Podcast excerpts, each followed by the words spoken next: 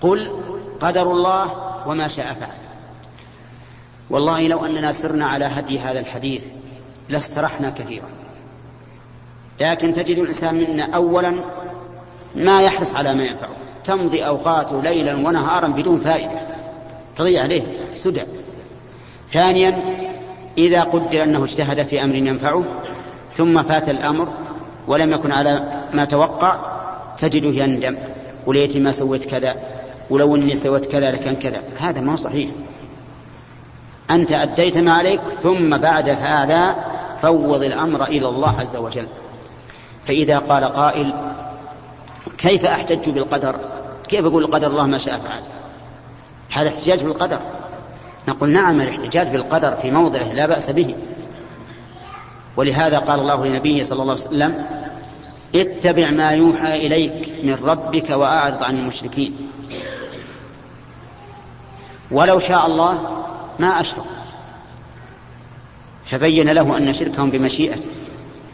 والاحتجاج بالقدر على الاستمرار في المعصية هذا حرام. لا يجوز لأن الله قال سيقول الذين أشركوا لو شاء الله ما أشركنا ولا آباؤنا ولا حرمنا من شيء. كذلك كذب الذين من قبلهم حتى ذاقوا باسا لكن الاحتجاج بالقدر في موضعه هذا لا بأس به.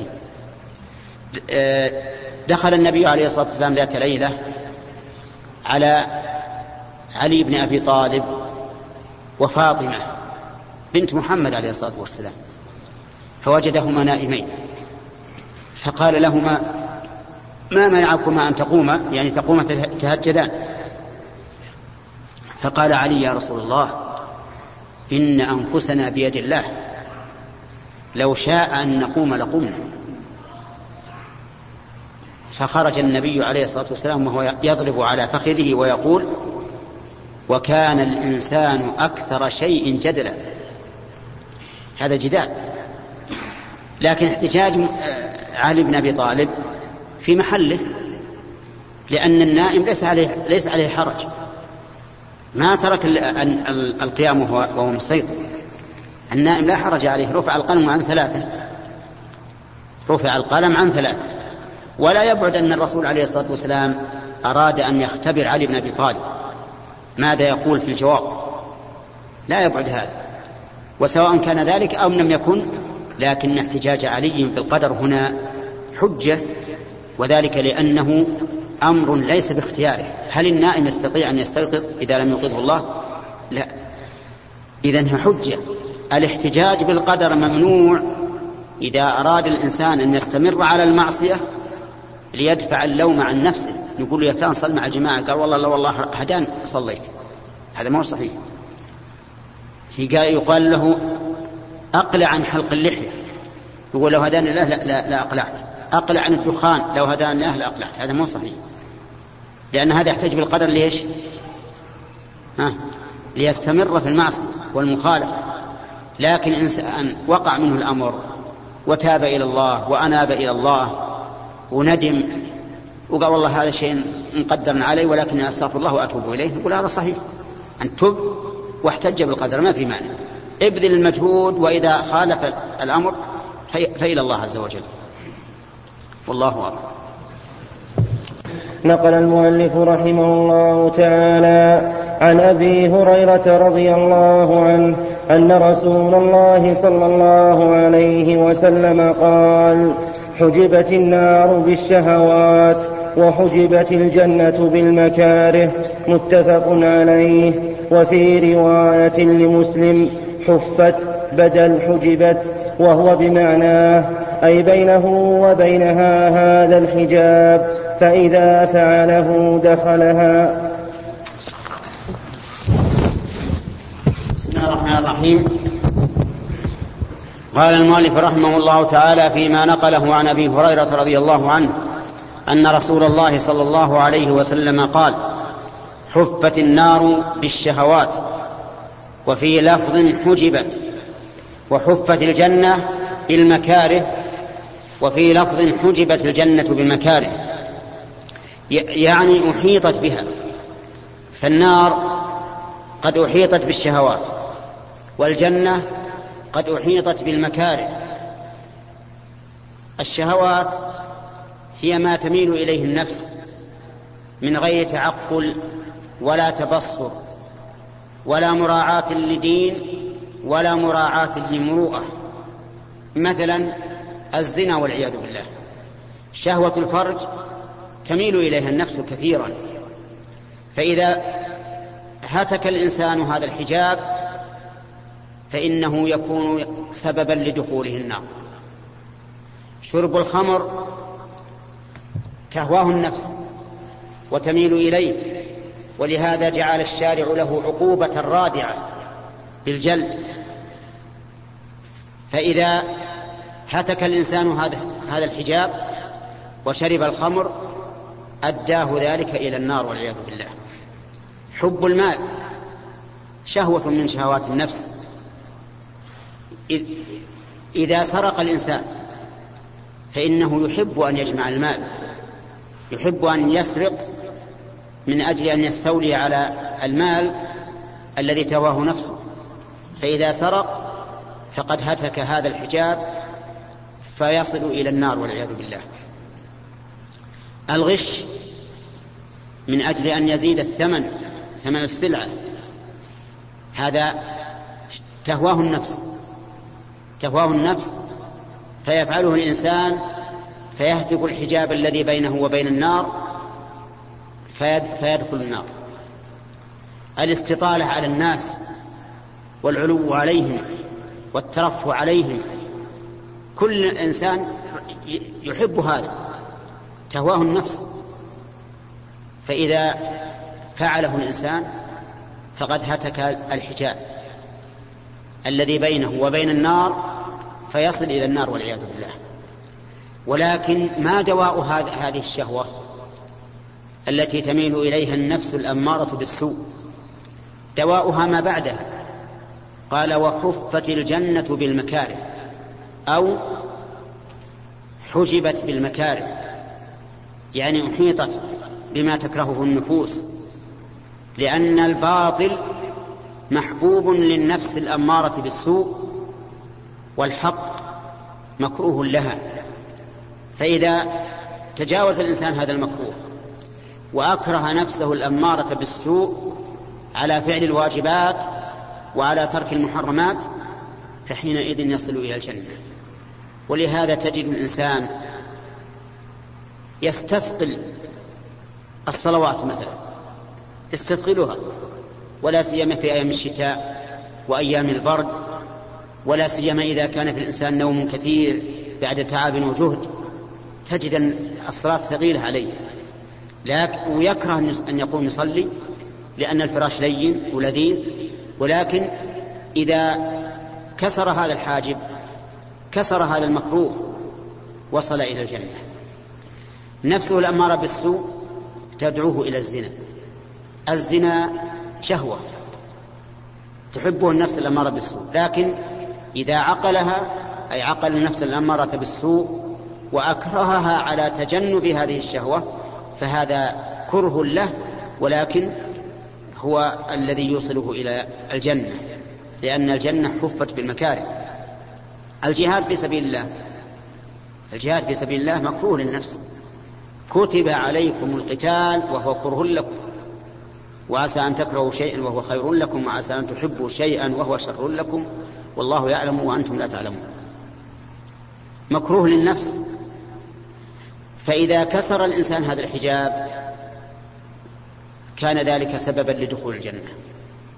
واستمع إلى قول الله تعالى ولا تحسبن الذين قتلوا في سبيل الله أمواتا بل أحياء عند ربهم يرزقون. فرحين بما آتاهم الله من فضله ويستبشرون بالذين لم يلحقوا بهم من خلفهم. ألا خوف عليهم ولا هم يحزنون. يستبشرون بنعمة من الله وفضل وأن الله لا يضيع أجر المؤمنين. فإذا كسر الإنسان هذا المكروه وصل إلى الجنة الأمر بالمعروف والنهي عن المنكر شديد على النفوس شاق عليها. كل إنسان يتهاون فيه يكره يقول أنا مالي وللناس أتعب نفسي معهم وأتعبهم معي ولكنه إذا كسر هذا المكروه وأمر بالمعروف ونهى عن المنكر كان هذا سببا لدخوله الجنة. وهلم جرا كل الأشياء التي أمر الله بها مكروهة للنفوس لكن أكره نفسك عليها حتى تدخل الجنة؟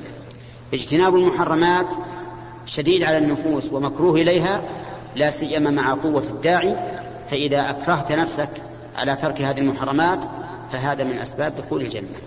لنفرض أن رجلا شابا أعزب في بلاد كفر حرية فيها يفعل الإنسان ما شاء. النساء الجميلات الفتيات الشابات كلها أمامه وهو رجل أعزب شاب. لا شك أنه سيعاني مشقة عظيمة في ترك الزنا.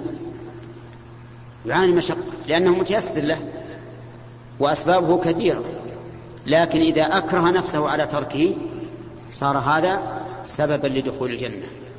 واستمع إلى قول النبي عليه الصلاة والسلام سبعة يظلهم الله في ظله يوم لا ظل إلا ظله. يوم القيامة تدنو الشمس الحارة العظيمة. التي نحس بحرارتها الآن وبين وبيننا وبينها مئات السنين. هذه الشمس تدنو يوم القيامة حتى تكون عن رؤوس الخلائق بمقدار ميل. الميل ما هو؟ قال بعض العلماء ميل المكحلة. ميل المكحلة صغير أقل من الإصبع. وقال بعضهم ميل المسافة. وأيا كان فالشمس قريبة من الرؤوس. لكن هناك أناس يظلهم الله في ظله يوم لا ظل إلا ظله. أسأل الله أن يجعلني وإياكم منهم. يظلهم الله يعني يخلق لهم ما يظلهم. يوم لا ظل إلا ظله. ما فيه ذاك اليوم ما فيه بناء ما فيه شجر ما فيه جبال تظلل ما فيه شيء. إلا ظل رب العالمين. أسأل الله أن يجعلني وإياكم ممن أظله به. هذا الظل يظل الله فيه من شاء من عباده ومنهم السبعة الذين ذكرهم الرسول عليه الصلاة والسلام. سبعة يظلهم الله في ظله يوم لا ظل إلا ظله. إمام عادل. إمام عادل. ما معنى عادل؟ هل معناه أنه يحكم لأقاربه وغيرهم على حد سواء؟ هذا من معنى العدل. لكن الإمام العادل الذي يطبق شريعة الله في كل شيء في الحكم في الناس وفي الحكم بين الناس. هذا الإمام العادل. الإمام العادل لو فرضنا إمام عادل يعدل بين الناس بالحكم لكن لا يعدل لا يعدل فيهم بالحكم. لا يطبق فيهم شرع الله فليس بعادل. العادل هو الذي يعدل بين الناس وفي الناس بحكم الله عز وجل. وشاب نشأ في طاعة الله ورجل قلبه معلق بالمساجد ورجلان تحابا في الله اجتماع عليه وتفرق عليه. ورجل دعته امرأة ذات منصب وجمال هذا الشاهد. دعته امرأة رجل دعته امرأة ذات منصب وجمال. ذات منصب يعني شريفة ليست دنيئة وجمال والجمال تدعو النفس. أو تد... نعم يدعو النفس إلى الاتصال بالمرأة. فقال إني أخاف الله. ما قال ليس في شهوة في شهوة.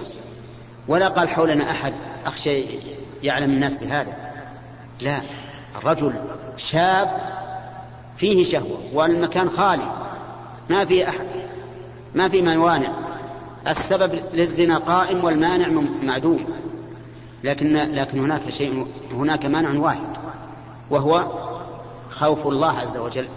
قال إني أخاف الله. هذا من الذين يظلهم الله في ظله يوم لا ظل إلا ظله. السادس رجل تصدق بصدقة فأخفاها حتى لا تعلم شماله ما تنفق يمينه من شدة إخلاصه. والسابع رجل ذكر الله خاليا ففاضت عيناه. فاضت عيناه شوقا إلى ربه عز وجل وفاضت عيناه خوفا من ربه. خالي ليس عنده أحد. خالي القلب من الدنيا ما هو ليس هوجس ليس هو ليس هوجس أو يروح من يسار في قلب القلب خالي. إلا من ذكر الله. ذكر الله في هذه الخلوة القلبية والخلوة المكانية ففاضت عيناه. هذا ممن يظلهم الله في ظله يوم لا ظل إلا ظله. المهم أن النار حجبت بالمك... بالشهوات والجنة حجبت بالمكاره. فجاهد نفسك. وإن كرهت على ما يحبه الله. جاهد نفسك على ما يحبه الله ولو كرهت.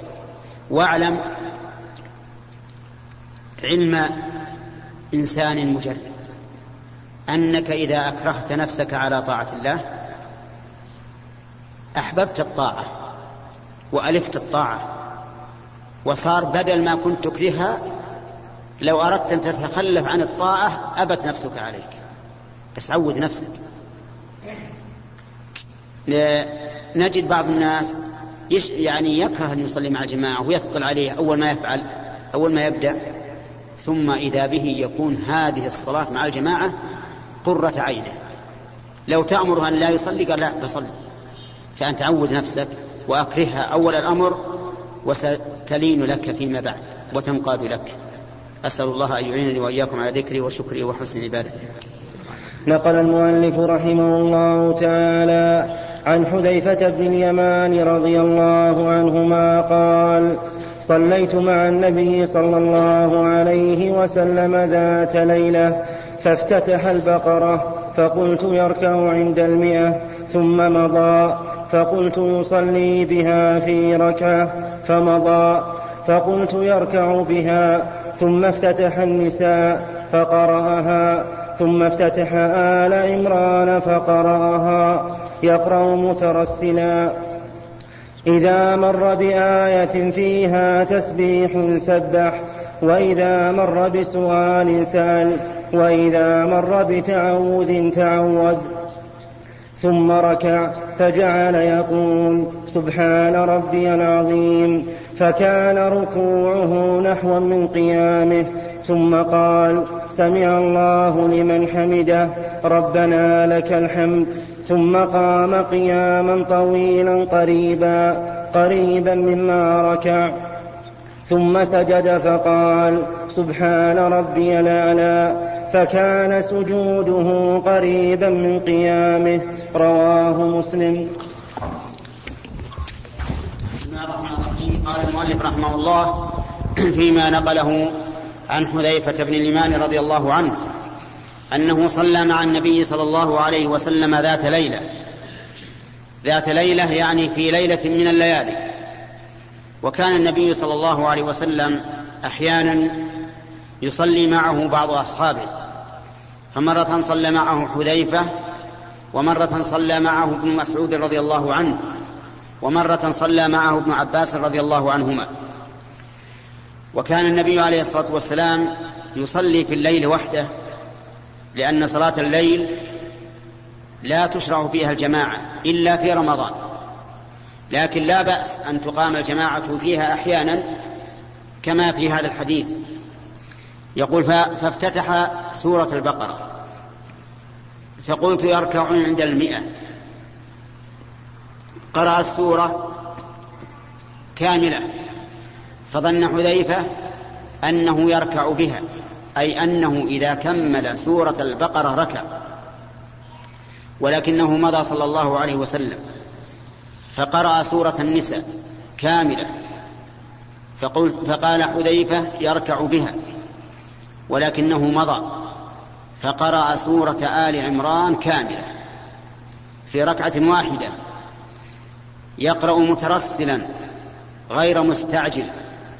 إذا مر بآية تسبيح سبح وإذا مر بآية سؤال سأل وإذا مر بآية تعوذ تعوذ. فجمع عليه الصلاة والسلام بين القراءة وبين الذكر وبين الدعاء وبين التفكر لأن الذي يسأل عند السؤال ويتعوذ عند التعوذ ويسبح عند التسبيح لا شك أنه يتأمل قراءته ويتفكر فيها. فيكون هذا القيام رياض روضة من رياض الذكر قراءة تسبيح دعاء تفكر. وهو عليه الصلاة والسلام في هذا كله لم يركع هذه السور الثلاث البقرة والنساء وآل عمران أكثر من خمسة أجزاء. خمسة أجزاء ربع فتدبر إذا كان الإنسان يقرأها بترسل ويستعيذ عند آية الوعيد ويسأل, ويسأل عند آية الرحمة ويسبح عند آية التسبيح كم تكون المدة؟ طويلة. ولهذا كان عليه الصلاة والسلام يقوم حتى تتورم قدماه وتتفطر حتى إن ابن مسعود وهو شاب لما صلى معه ليلة من الليال يقول أطال النبي صلى الله عليه وسلم القيام حتى هممت بأمر سوء. قالوا بما هممت؟ قال هممت أن أجلس وأدعه. عجز أن أن يصبر من شدة من طول القيام. ثم إن النبي عليه الصلاة والسلام ركع بعد أن أتم السورة الثلاث فقال سبحان ربي العظيم. وأطال الركوع نحوا من قيامه. ثم رفع. من ركوعه وأطال القيام بعد الركوع وقال سمع الله لمن حمده ربنا ولك الحمد حتى قيام كان قيامه نحوا من ركوعه ثم سجد صلى الله عليه وسلم فقال سبحان ربي الأعلى وأطال السجود حتى كان سجوده قريبا من قيامه أو نحوا من قيامه وهكذا كان عليه الصلاة والسلام يصلي فيجعل الصلاة متناسبة. إذا أطال القيام أطال الركوع والسجود. والقيام الذي بعد الركوع. والجلوس الذي بين السجدتين. وإذا خفف القراءة خفف الركوع والسجود والقيام. من أجل أن تكون الصلاة متناسبة. وهذا فعله صلوات الله وسلامه عليه في الفرض وفي النفل أيضا. فكان يجعل صلاته متناسبة. ففي هذا الحديث عدة فوائد. الفائدة الأولى وهي التي ساق المؤلف الحديث من أجلها أن النبي صلى الله عليه وسلم كان يعمل عمل المجاهد الذي يجاهد نفسه على الطاعة لأنه يعمل هذا العمل الشاق. كل هذا ابتغاء وجه الله ورضوانه كما قال الله تعالى في وصف النبي صلى الله عليه وسلم وصحبه تراهم ركعا سجدا يبتغون فضلا من الله ورضوانه. ومنها جواز صلاة الجماعة في صلاة الليل. جواز إقامة الجماعة في صلاة الليل. لكن هذا ليس دائما إنما يفعل أحيانا في غير رمضان. أما في رمضان فإن ذلك سنة. يسن أن يقوم الناس جماعة. ومنها أنه ينبغي للإنسان في صلاة الليل إذا مر بآية رحمة أن يسأل يقف ويسأل. مثل إذا مر بذكر الجنة يقف ويقول اللهم إني أسألك أن تجعلني من أهلها. اللهم إني أسألك الجنة. إذا مر بآية وعيد يقف. يقول أعوذ بالله من ذلك أعوذ بالله من النار. إذا مر بآية تسبيح يعني تعظيما لله عز وجل فإنه يقف ويسبح الله ويعظمه. هذا في صلاة الليل.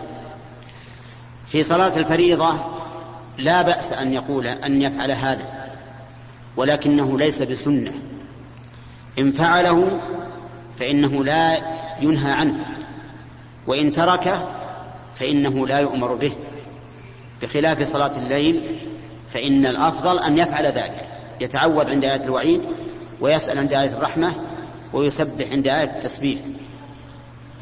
ومنها من فوائد هذا الحديث جواز تقديم السور بعضها على بعض.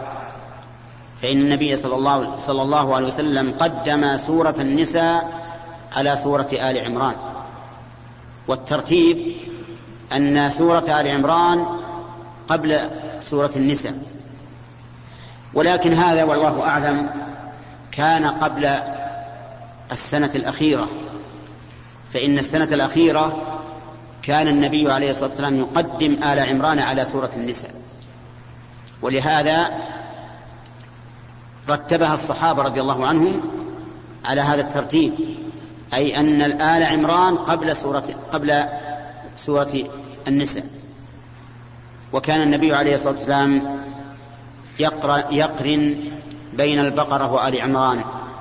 مثل قوله عليه الصلاة والسلام اقرأوا البقرة اقرأوا الزهراوين البقرة وآل عمران.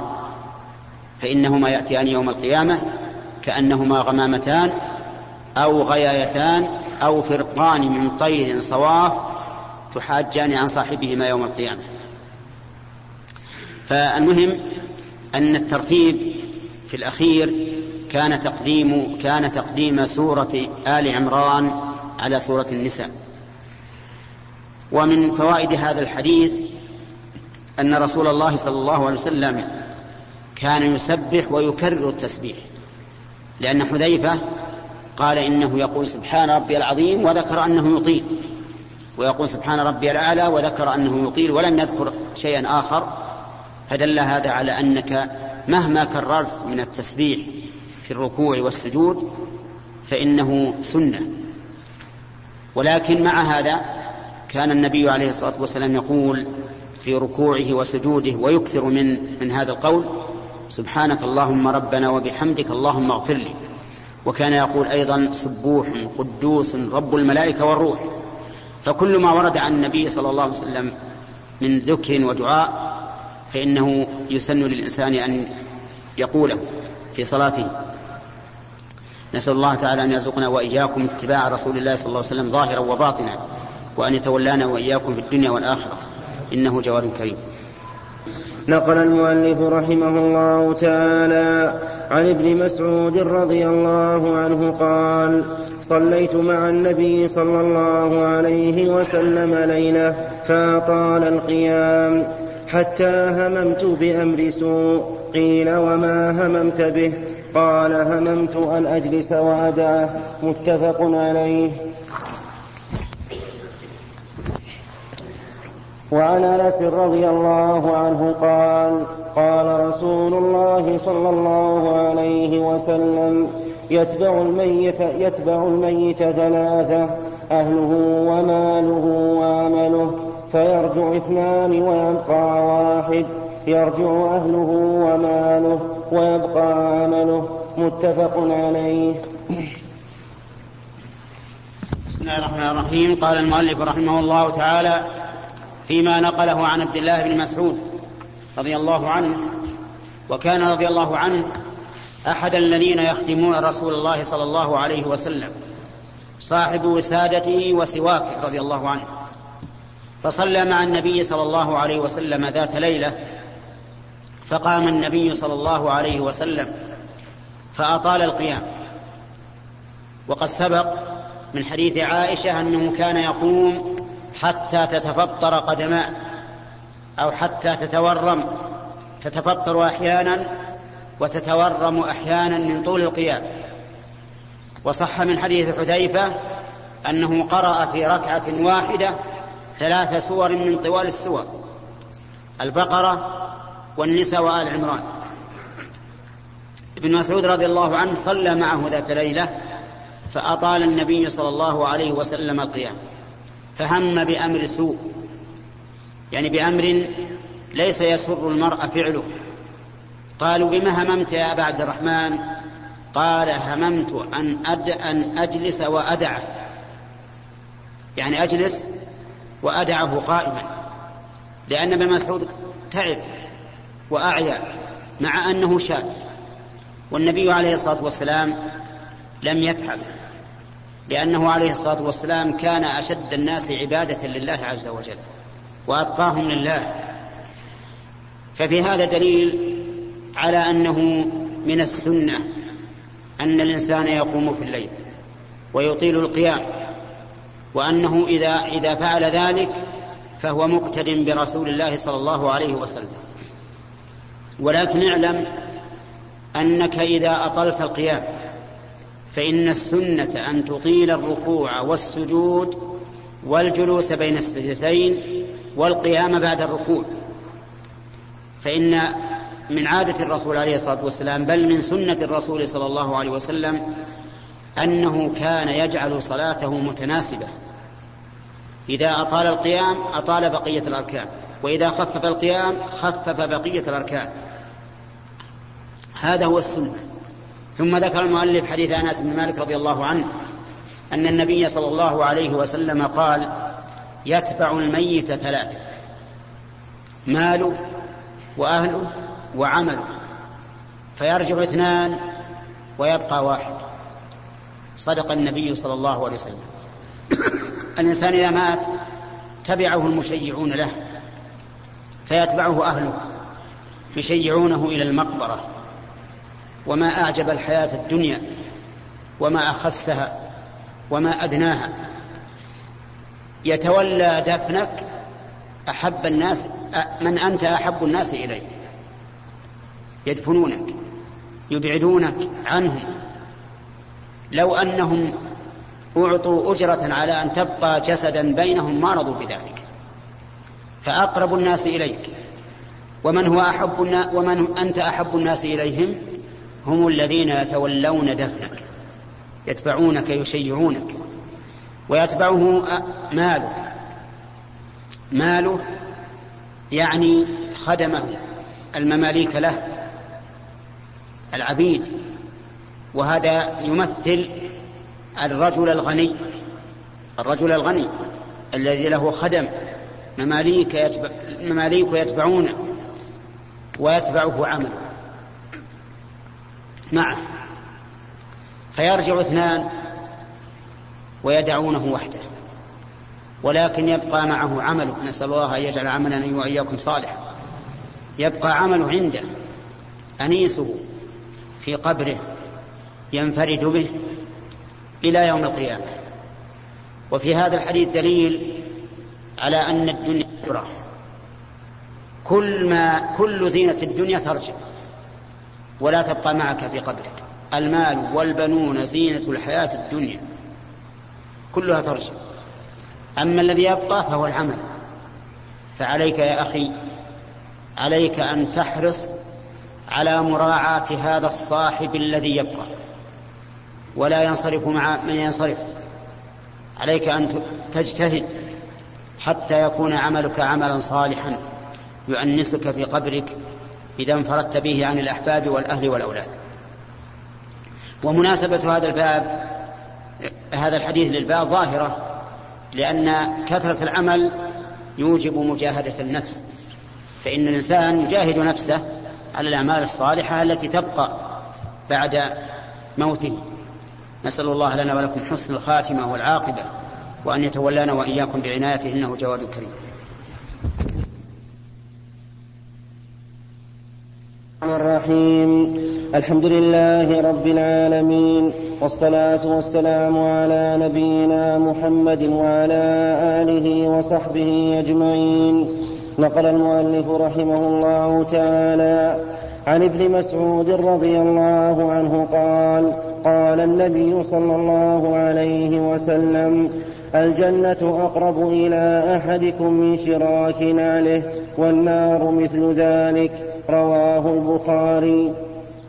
وعن ربيعة بن كعب الأسلمي خادم رسول الله صلى الله عليه وسلم ومن أهل الصفة رضي الله عنه قال كنت أبيت مع رسول الله صلى الله عليه وسلم فآتيه بوضوئه وحاجته فآتيه بوضوئه وحاجته فقال سلني فقلت أسألك مرافقتك في الجنة فقال أو غير ذلك؟ قلت هو ذاك. قال فأعني على نفسك بكثرة السجود. رواه مسلم.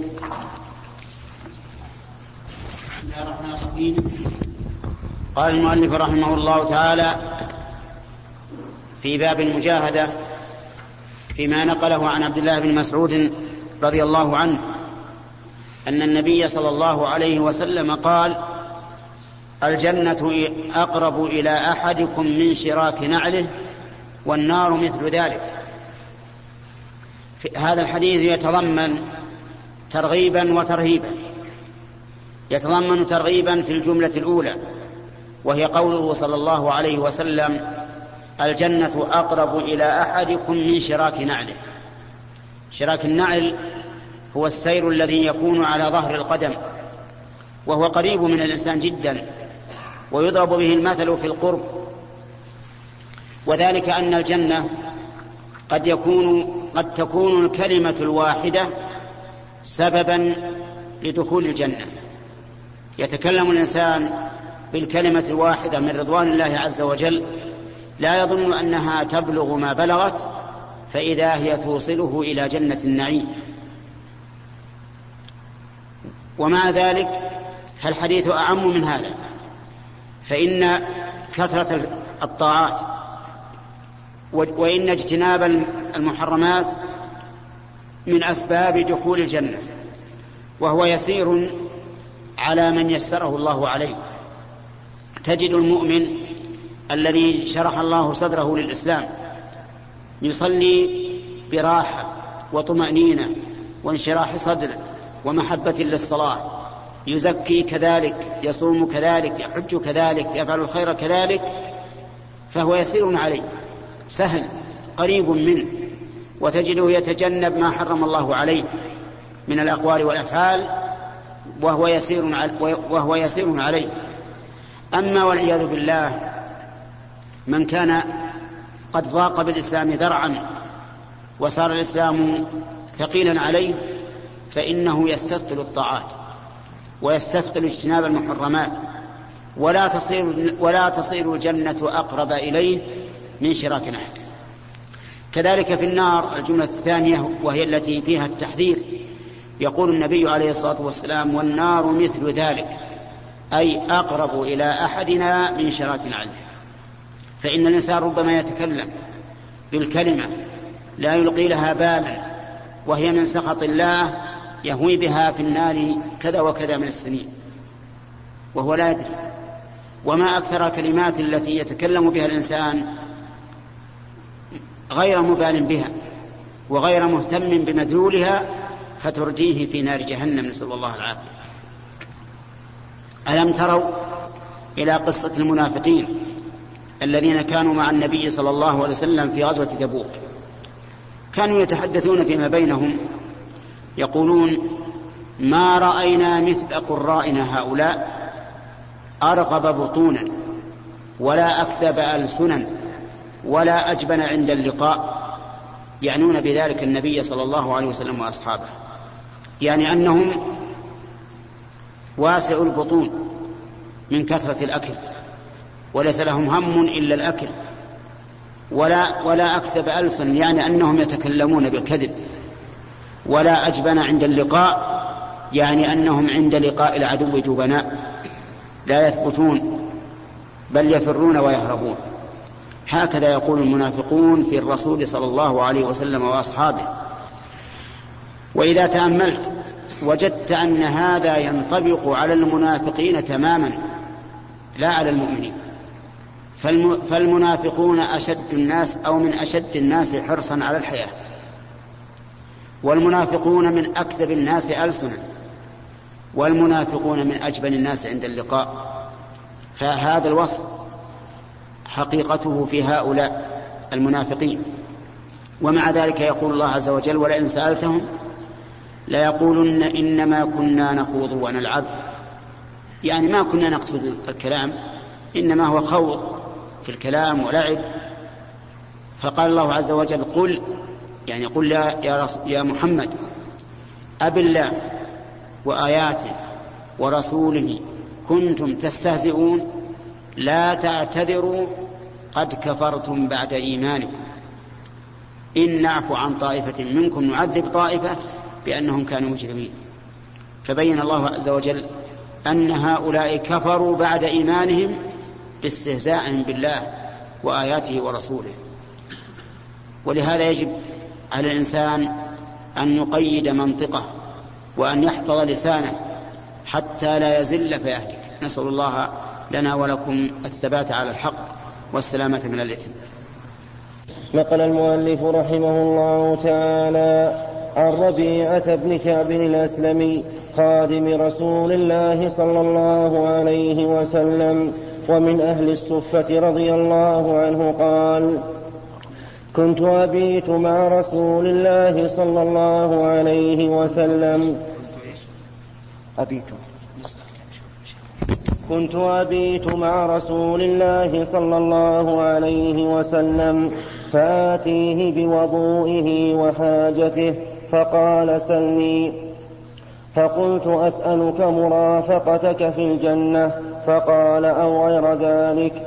قلت هو ذاك. قال فأعني على نفسك بكثرة السجود. رواه مسلم. الرحمن الرحيم. قال المؤلف رحمه الله فيما نقل عن أبي مالك عن ربيعة بن مالك الأسلمي رضي الله عنه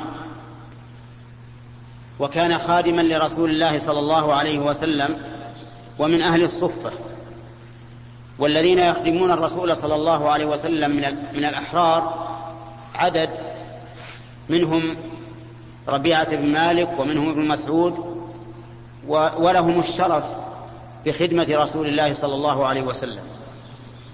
وكان من أهل الصفة وأهل الصفة رجال مهاجرون. هاجروا إلى المدينة وليس لهم مأوى. فوطنهم النبي عليه الصلاة والسلام في صفة في المسجد المسجد النبوي. وكانوا أحيانا يبلغون الثمانين وأحيانا دون ذلك.